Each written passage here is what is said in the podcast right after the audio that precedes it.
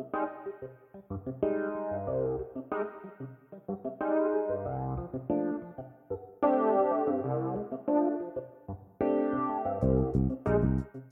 lyssnar på Osynligt sjuk, en podd av och med barn och unga med sjukdomarna CF och PCD, alltså cystisk fibros och primär ciliär dyskinesi.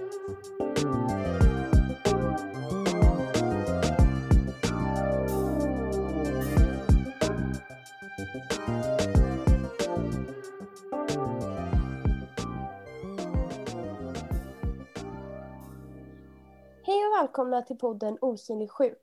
Jag heter Lova och detta avsnitt ska handla om att få en PCD-diagnos sent i livet. Med mig har jag en gäst. Och vad heter du? Caroline heter jag, 33 år ifrån västra Värmland. Bor ute på landsbygden tillsammans med min sambo och mina, mitt barn. Mina barn skulle jag säga, men jag har bara ett barn. Eh, och två hundar. Eh, och hur vi kom i kontakt med eh, dig Caroline var ju att eh, vår projektledare Lotten såg ett inlägg på Facebook som du hade lagt ut där du berättade lite kort om din livshistoria och din diagnos. Eh, vad skrev du i det där inlägget och kan du berätta det för oss? Ja, det stämmer. Jag skrev ett inlägg på Facebook. Jag gick med i den där PCD-gruppen för jag tänkte att jag kanske ska se hur, hur det ser ut för andra folk som har det här. Så jag skrev ett inlägg och berättade då att eh, jag var 17 år när jag fick eh, diagnosen att jag hade PCD. Det var min dåvarande läkare på vårdcentralen som upptäckte att det antingen kunde vara cystisk fibros eller PCD. De här symptomen hade min mamma nämnt för vår dåvarande husläkare. Han hade ju insisterat hela tiden på att jag var bara väldigt ofta förkyld. Min mamma, hon blev då rent ut sagt förbannad när jag väl fick min diagnos på att jag hade PCD. Vilket både hon och andra sköterskor på den här vårdcentralen hade påstått att det kunde vara. Det är nämligen så att på den här lilla vårdcentralen, på den här lilla orten som jag är ifrån, så jobbade en kvinna, en sjuksköterska, som hade just samma diagnos som det jag har, fast hon är spegelvänd. Eh, det är väl inget vanligt barn som egentligen har konstant snuva, hosta eller återkommande öroninflammationer flera gånger om året på det här sättet som jag hade. Men ingen läkare ville ta mamma på allvar när hon sa att det kunde vara det här.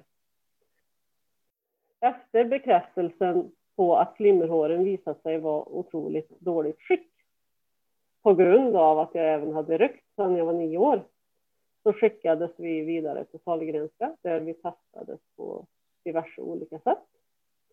Där vi då vart konstaterade att det var PCD. Det sattes in slemlösande, luftrörsvidgande och inhalationer tre gånger per dag som resulterade i att jag till slut vid minsta ansträngning fylldes slem. Det här var ganska jobbigt. Eh, jag fick inte luft. Jag klarade inte att hantera den här mängden slem som skulle upp. När jag väl var på Sahlgrenska så fick jag ett besked om att jag kanske inte skulle överleva min 30-årsdag om jag inte började ta hand om min kropp och mina lungor. Så det här med att jag rökte, det var bara att sluta med liksom. Så jag körde den här behandlingen i cirka ett år innan jag till slut gav upp. Jag kände att jag orkar inte leva med det här. Jag orkar inte hålla på med allt det här slemmet och inhalationer och, och allt vad det krävde liksom. Och så var jag 18 år och odödlig och bestämde mig för att nej, om jag ändå inte ska överleva till 30-åren, då ska jag banne mig leva livet. Eh, jag fastade alldeles för hårt på helgerna. Eh, Feströkte och levde som att det inte fanns någon morgondag. Vilket alltid straffade sig dagen efter, då inte varken syre eller orken fanns. Jag slarvade väldigt många år med mina mediciner och först vid 30 kanske det var som jag insåg att det här funkar inte längre, jag orkar inte mer. Kroppen har liksom sagt stopp. Jag sliter ganska mycket mer idag med andning och ork än vad jag hade behövt om jag bara hade tagit hand om min kropp och, min själv, och mig själv. Eh, men jag ville verkligen inte acceptera den här sjukdomen. Det var för mig inte okej okay att få en diagnos när man är 17 år som ska ta död på en när man är 30. Det var liksom den, den jag fick eh, och det jag levde efter. Sen så hände det ju väldigt mycket saker på vägen under den här gången som gjorde att, att jag valde att prioritera bort mig själv. Eh, min dåvarande körde ihjäl sig och det sörjde jag genom att konstant kanske i åtta månader dricka. Eh, förlora jobbet, hamna hos Kronofogden. Så en prioritering på att ta hand om lungorna var det inte. Det, jag hade så pass mycket annat. Jag skulle jobba för att få igång eller få ihop det här med ekonomi. Eh, jag brydde mig inte hur det såg ut. Jag gled mest bara med på ett bananskal för dagen.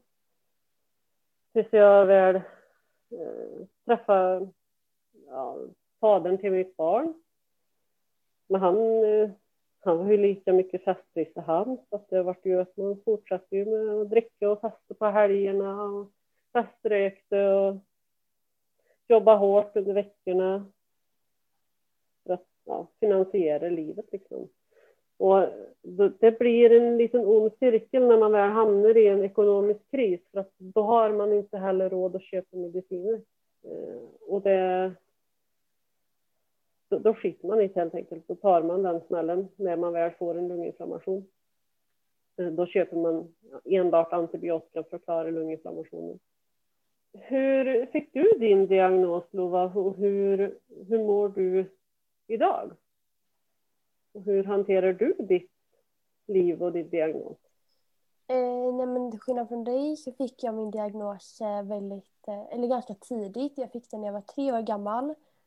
Eh, men jag hade, alltså när jag fick min diagnos så hade jag ganska mycket så besvär. För jag hade haft flera öroninflammationer, många lunginflammationer och sånt där. Som återkom och jag mådde ganska dåligt då. Eh, när jag var tre, så det var väl därför också det kom ganska fort. Eh, eller så här, därför fick det så tidigt, för jag hade ganska många problem tidigt. Eller så här, många lunginflammationer framförallt tror jag det var som. Så.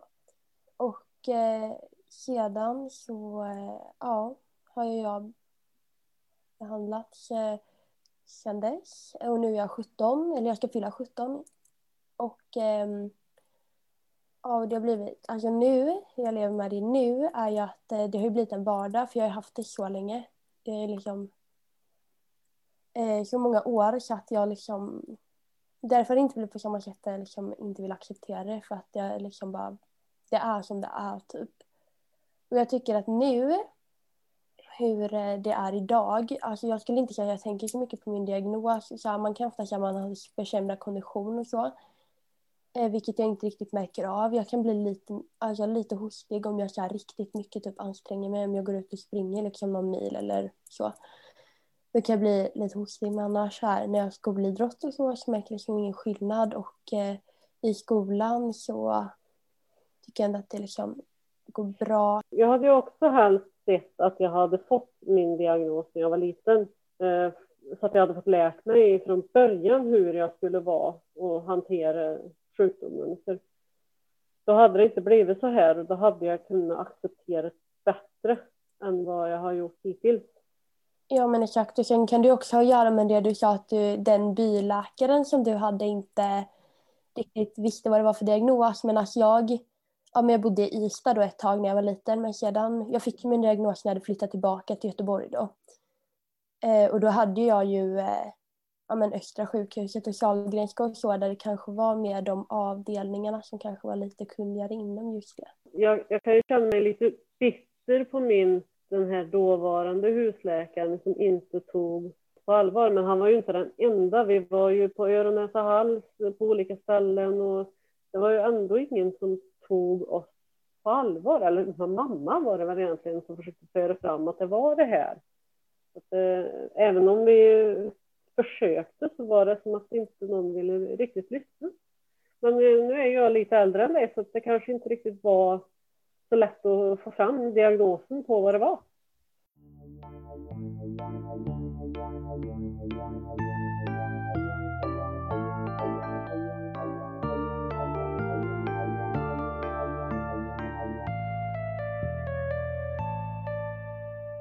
Så då när du inte ville sköta behandlingen eller så du bara men jag vill leva livet istället om jag nu liksom inte ska leva tills jag blir 30 eller så här. Ja. Eh, vad tänkte dina föräldrar om det då? Eh, mina föräldrar har nog ansett att jag har varit det mest stönigaste, envisaste barn som finns på denna jord.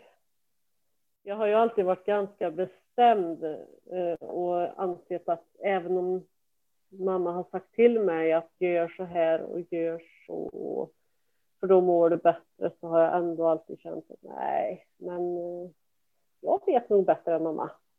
Men hon tjatar och tjatar och tjatar och det gör hon än idag. Eh, att jag borde ta bättre hand om mig och att jag ska ta mediciner och, och sådär. Så all cred till min mamma som har tjatat trots att det hjälpte föga för lite dåligt. Men jag hör lite dåligt också så vi, vi skyller på det har jag sagt. Ja, men vad har du fått eh, för hjälp då från vården? Eh, ja, alltså det, det, var ju den där persen som vi hade ner till Sahlgrenska eh, i några turer. Och sen så har jag konstant gått på lungmedicin i Karlstad eh, en gång per år. Eh, gör mina spirometrier, ibland så kör vi en lungröntgen. Eh, vi går igenom hur mina mediciner har fungerat genom året. Eh, tidigare, då, som jag berättade här förut, så tog jag inte mina mediciner så mycket just på grund av att jag inte hade råd att köpa dem. Jag tyckte heller inte att det var värt att lägga de pengarna på det för att det skulle ändå inte spela någon roll.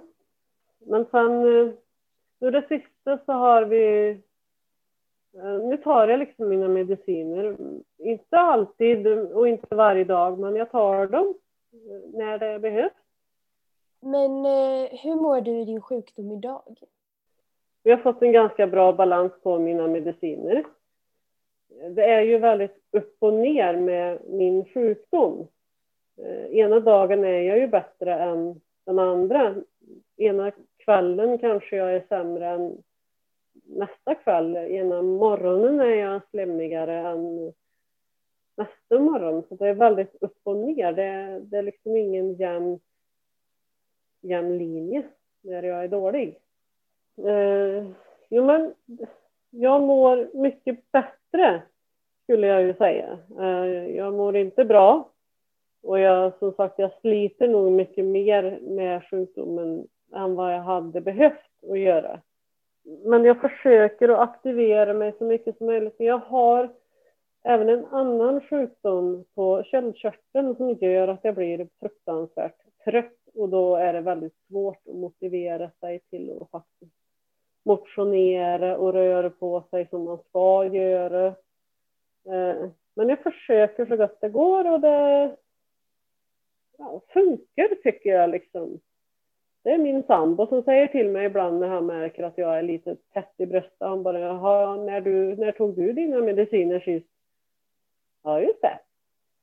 Eh, det gjorde jag häromdagen. Så det är lite så, men så länge det funkar så tycker jag att det, ja, det är okej. Okay. Är det något du ångrar som du har gjort eller någonting här som du skulle vilja göra annorlunda om du skulle få göra om det? Eh, jag kan ångra att jag var så envis och egoistisk Eh, emot mot mina föräldrar som eh, kämpade och försökte få mig att inse vad det handlade om som ändå såg på sig trots att jag inte ville acceptera. Jag kan ångra att, eller jag, jag hade velat önska att jag kunde vrida tillbaka tiden så att jag kunde få starta om på nytt och hoppas på att det hade blivit bättre då. Men eh, livssituationen har ju gjort att jag inte har kunnat prioritera mig själv alla dagar. Så att, eh, det är lite så. Jag flyttade hemifrån tidigt och hade inte någon som såg vad jag gjorde så att jag skötte medicinerna som jag skulle. Då var det liksom på mitt eget ansvar och jag ville inte acceptera den här sjukdomen och så har det varit i många år. Sen eh, kanske det inte var det smartaste valet att börja röka när man var nio år gammal. Eh, och ändå inte ge sig när man vet att man är lungsjuk. Men eh, ska man vara tuffast i klassen så då blir det så här, tyvärr, när man tror att man är tuffast i klassen. Men jag tror det, det, det, kan handla lite om en låg självkänsla också. Det hela. Det här med att jag eh, inte accepterar mig själv, att jag inte... Eller att jag ville vara någon annan för att ingen skulle se hur det kanske egentligen var. Man försöker att bygga upp en annan person för att inte visa hur det egentligen kanske är. För att man ska slippa förklara för folk som ändå inte förstår. Mår du dåligt idag över att du valde att inte sköta behandlingen och hur hanterar du det? Eh, ja, det gör jag. Att, eh, fast ändå så har man vant sig vid ett beteende som gör att det blir lättare att hantera den här behandlingen för att man har vant sig vid att så här ska det vara. Sen kan jag tycka att ja, lite som jag sa, min livssituation gav mig liksom nästan inget annat val. Eh, när, man, när man inte har en ekonomisk möjlighet att köpa mediciner som man behöver, då, då står man hellre utan liksom och, och försöker att kämpa sig igenom ändå. Mina föräldrar ställde upp med väldigt mycket pengar till andra saker så att jag skulle klara vardagen, men jag nämnde aldrig någonsin att jag inte klarar att köpa mina mediciner. Och det skulle jag väl kanske, det är väl också kanske en sån här sak som jag kan ångra lite grann, att jag skulle kanske ha varit mer ärlig. Men det är svårt att vara ärlig när man inte har accepterat hur det faktiskt är. Man, man mår lite dåligt över att det, man får lite låg självkänsla i att man inte kan hantera livet. Eh, har du hittat ett sätt idag att göra det? Ja, eh, jag, jag klarar att hantera det bättre i alla fall, men det, det är nog väldigt mycket på grund av den sambo jag har i dagens läge. Han är jättestöttande i så mycket. Eh, och hade jag inte haft han så hade jag heller inte klarat hanteret så bra som jag gör idag. För han, han är en stöttepelare för mig och eh, han gör det möjligt på ett vis och han drar med mig ut i skogen fast jag kanske och går en promenad fast jag kanske inte orkar och han eh, försöker alltid att se till att vi, vi ska vara aktiva och ja, ja det är bättre idag än vad det har varit. Det kan vi ju garanterat påstå. Eh, jag kan tycka att det är väldigt viktigt att jag har min sambo som står bakom mig och stöttar mig så mycket som han kan. Och det är viktigt för, för många tror jag att ha någon som alltid finns där. Har du, har du haft någon som alltid har varit bakom dig, stöttat dig i din sjukdom? Liksom? Ja, alltså jag har haft många, men bland annat så här pappa och farmor tror jag har varit mest så involverade i det. Typ och haft om det mycket och eh, hjälpt mig mycket, särskilt med till sjukhusen, besöken och öronbesöken och allting. Ja, när jag var i din ålder så hade jag, ja, min mamma, som jag sa, all cred till min mamma som har stått bakom mig och stöttat mig i tonåren och sådär. Och hon var ju med mig till sjukhusen och, och så där. Men eh, när det var vardag så levde ju jag i min lilla bubbla. Liksom. Ja, det är nog viktigt att man har någon som stöttar en när det är tungt. Om man nu tycker att det är tungt då, som jag gör. Ja, som sagt, jag var, jag var ju 17 när, eh, när jag fick den här diagnosen. Du har ju levt med den sedan du var liten. Men hur, hur känner du att det är idag för dig? Tycker du att det ändå eh, funkar ganska bra för dig med din diagnos? Eh, ja, men det tycker jag. Alltså, jag tycker liksom inte att det är jättejobbigt. Alltså något av pappas mål, eller vad man ska säga med diagnosen, eller som, alltså när jag har fått diagnosen, är att eh, eh, jag ska kunna göra det jag vill utan att diagnosen ska hindra mig från att göra saker som jag känner att jag vill göra. Eh, vilket jag ändå tycker pappa har lyckats med.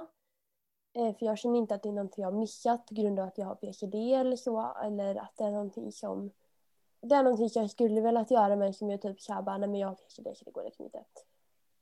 Så att det är ju väldigt bra och sedan eh, jag tycker liksom inte, alltså visst att jag kanske får gå upp lite tidigare, ta mina mediciner.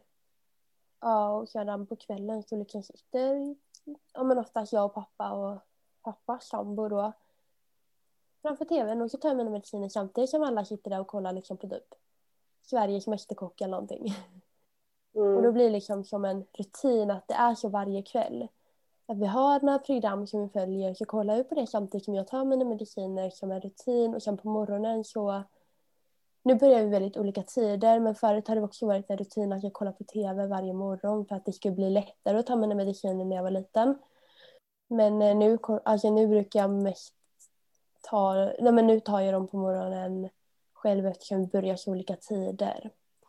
Och så, men jag tycker liksom inte att det har hindrat mig på något sätt. Eh, att jag har PCD. Jag kan ju fortfarande liksom så här, jag, alltså vissa om jag sover över hos någon kompis så kanske jag liksom hoppar över och tar mina mediciner eller bara tar med mig tabletterna som är smidiga och bara liksom svälja ner med ett glas vatten. Vad är det för tabletter du har då i sådana fall? Det, tänker du på, eller är det någon särskild tablett du har? Ja, jag har ju typ så här, slemlösande tabletter, sen tar jag ju antibiotika tre gånger i veckan ja, men slemlösande då och eh, ja, sen är det lite andra tabletter som typ farmor säger är bra för mig för att jag eh, ja men för att jag helt enkelt, för att farmor tycker jag ska ta dem. Det är de här acetylcystein du tar då i sådana fall eller? Ja exakt. Eh, och eh, jag vet inte riktigt vad det är men eh, ja. och sen är det lite andra saker då som inte läkaren har sagt att jag ska ta men som farmor typ har hittat att jag ska ta för att eh, eh, ja så det lite olika. Ja, men det låter ju ganska smidigt ändå. Det där med att jag ska sitta med inhalationsmasken eh, eller vad man nu ska säga att det heter, den här inhalationsapparaten. När folk ser mig, det är fortfarande en sån där sak som jag tycker är jobbig. Som jag inte riktigt accepterar mediciner jag själv än. Och det har ju att göra med att jag, jag har ju först nu egentligen börjat ta medicinerna som oftare. Liksom. Jag tar som sagt kanske inte varje dag, men jag tar mycket oftare. Och ska jag då sitta och inhalera, då ska jag göra det för mig själv eller om sambon har somnat så att han inte behöver se det här för att jag tycker att det är lite jobbigt liksom. Och då tror jag att det är jobbigt även för hans del. Eftersom min sambo, han, han vet ju att jag sliter hårt med, att det, med, med den här sjukdomen. Han, tycker att, eller han vet att jag tycker att det är jobbigt. Och då vill ju inte jag att han ska må dåligt över att jag mår dåligt, eller vad man ska säga. Jag vill inte dra med han i det, fast det, det gör jag kanske inte heller, men det är väl det jag tänker. Jag vill inte att han ska se mig göra en sak som jag tycker är jobbigt. Om du förstår hur jag menar. Ja, jo men det kan jag förstå dig i att, eh, för det kan jag också känna ibland typ att men, jag kanske inte vill inhalera framför, alltså min familj och så, de, det spelar ingen roll men eh, typ mm. framför kom, alltså när jag, ibland om vi typ är längre så här, någon gång har vi typ varit en vecka på mitt eh, landställe, vi har en, stug, eller en stuga vid havet. Och ibland har vi liksom så här, tagit bussen dit och så har vi varit där någon vecka. Då kan jag ibland känna lite samma sak, jag hellre gå upp lite tidigare, ta mina mediciner innan de vaknar och så. Så att det är klart. Men sen har jag med, alltså jag har typ varit lite osäker men för jag tycker ju själv att det, är, alltså det är inte direkt att alla gör det liksom och därför blir det väl en osäkerhet. Mm. Jag har typ börjat ändå mer avvänja mig, alltså jag så här, Alltså det, mina närmaste kompisar och så, då spelar det liksom inte så stor roll. Men eh, ja, det beror på vilken relation jag har till mm. människan. Typ jag, jag skulle säkert kunna göra det framför mina kompisar.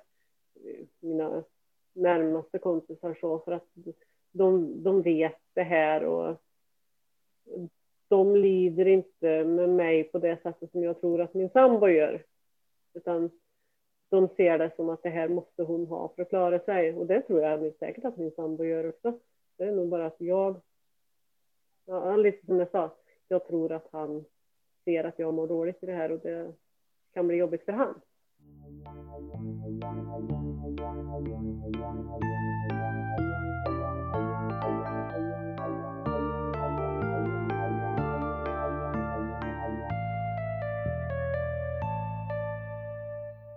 Men du tycker att, alltså, att människorna i din omgivning och runt omkring dig hade reagerat när du liksom har sagt att men jag har PCD?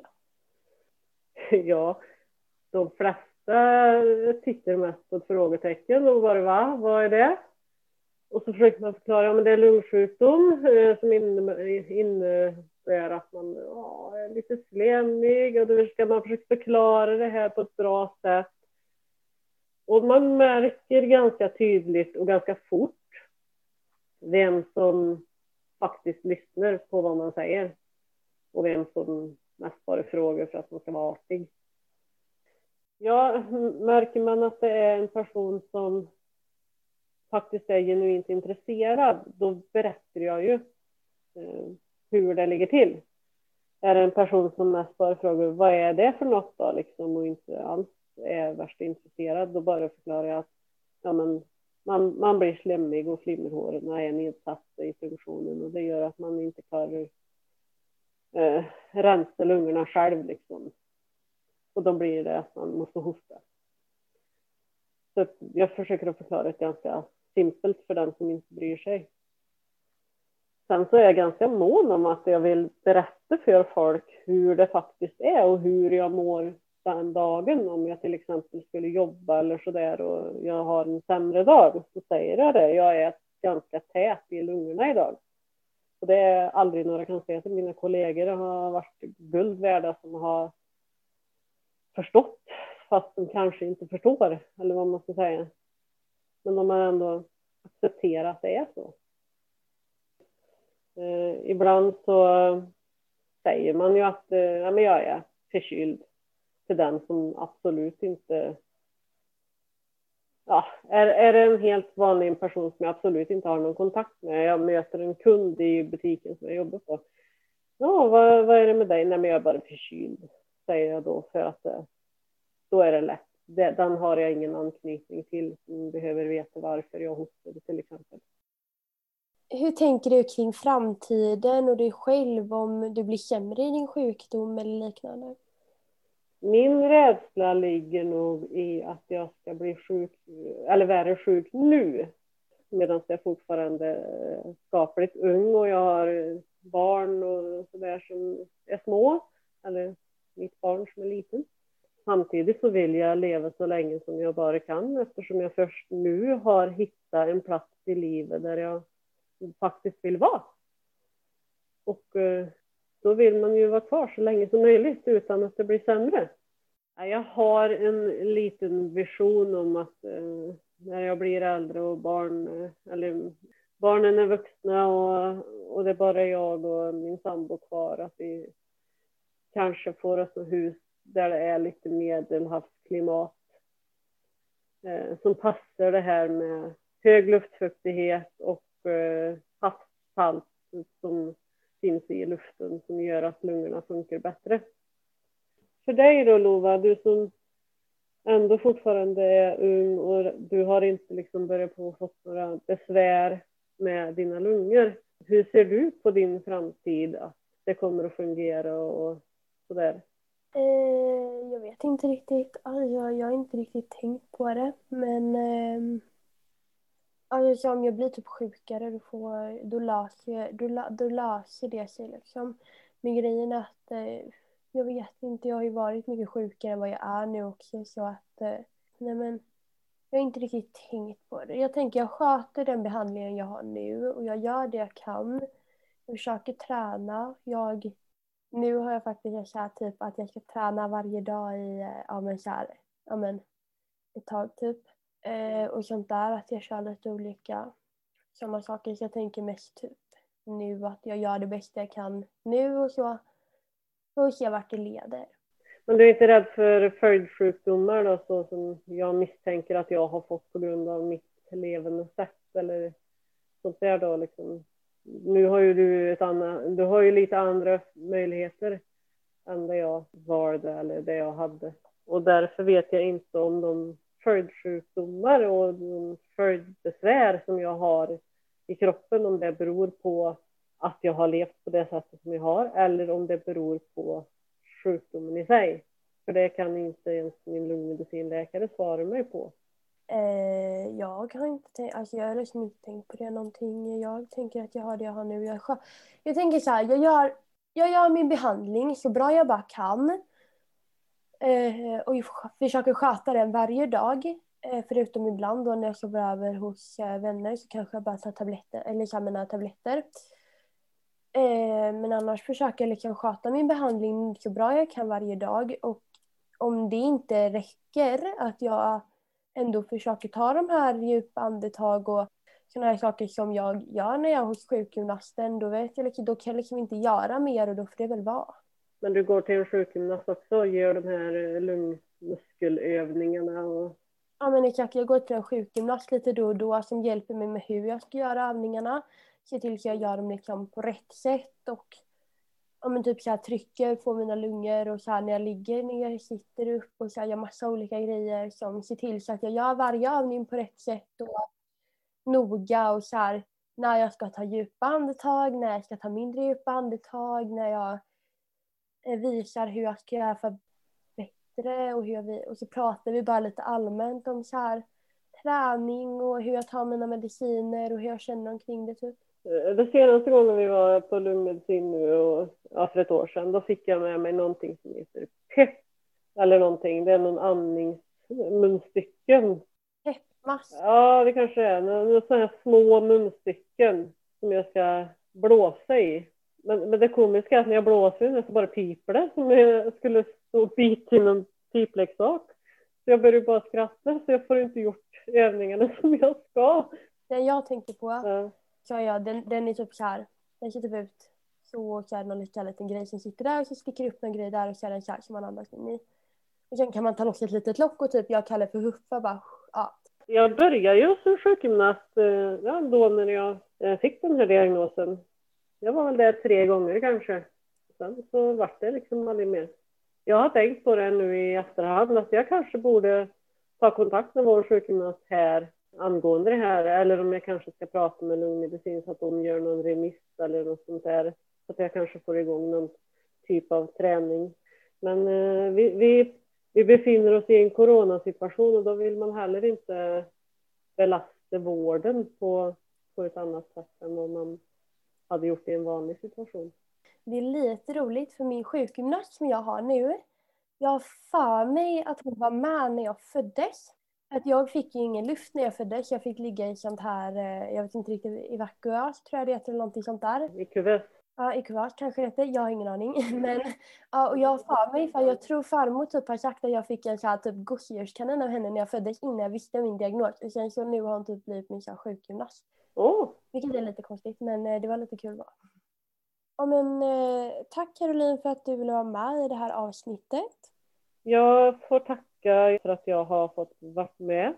Det är svårt att få fram det man vill ha sagt eh, när man sitter så här. Men jag finns på Facebook om någon på PCB-gruppen där om någon skulle vilja ha ytterligare uppgifter eller så där. Eller prata med mig om det är någonting som är frågetecken. Men ja, som sagt, är det spännande att få vara med i podden. Och som vanligt vill vi att ni går in på podden Osynlig sjuk sociala medier. Eh, har du PCD eller CF och är mellan 10 och 25 år och vill göra podd så hör av dig till oss. Hejdå! Tack för mig!